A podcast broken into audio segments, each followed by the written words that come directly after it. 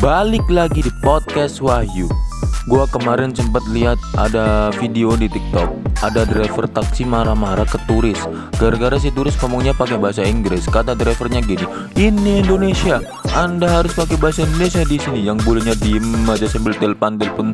Dan lucunya lagi di komennya isinya rata-rata gini Betul itu Indonesia kalau keluar aja pakai bahasa Inggris Masa orang luar ke sini nggak pakai bahasa Indonesia? Ya gini nih kalau sedikit baca tapi banyak kuota ya gini Goblok gitu jadinya. Buat bapak driver dan yang komen-komen gitu Gini loh Bahasa internasional saat ini itu bahasa Inggris. Ya normal dong dia ngajak ngobrol pakai bahasa Inggris. Kalau nggak ngerti caranya nasionalis nggak usah jadi nasionalis. Bapak Insinyur Soekarno Beliau yang merdekain negara ini aja Kalau ketemu tamu dari luar negeri juga pakai bahasa Inggris Bukan mentang-mentang Pak Soekarno dari Jawa terus harus ngomong Jawa terus biar kelihatan mencintai daerahnya gitu. Enggak, enggak gitu. Pak Soekarno ketemu Presiden Amerika misalnya kan Dia ngomong Naliko wengking ingat. Enggak, enggak, enggak gitu. Dia yang diajak ngomong tuh enggak ngerti gitu. Kalau emang mau nasionalis enggak gitu caranya. Cara yang tepat untuk nasionalis adalah ya harumkan nama Indonesia di kancah dunia dengan prestasi-prestasi yang hebat gitu. Ikut olimpiade matematika tingkat internasional. Kalau seneng game ya gabung tim e-sport biar bisa mengharumkan Indonesia lewat e-sport.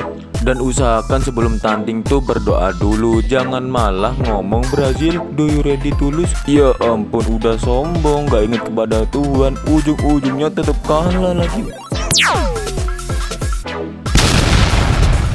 Dan dari dulu gue tuh selalu heran sama orang yang menganggap kalau orang gak balas DM itu sama dengan sombong. Buat orang-orang kayak gitu gue kasih tahu ya, kalian gak dibales itu belum tentu orangnya sombong. Bisa aja orang gak balas DM kalian itu orangnya sibuk.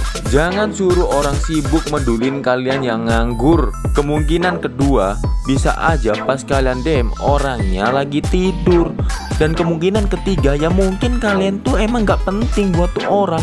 Jadi tuh orang gak balas DM bukan karena sombong tapi ya kalian bukan prioritas mereka aja. Nggak percaya? Coba DM akun DPR RI kalau nggak dibales ya karena mereka tuh sibuk.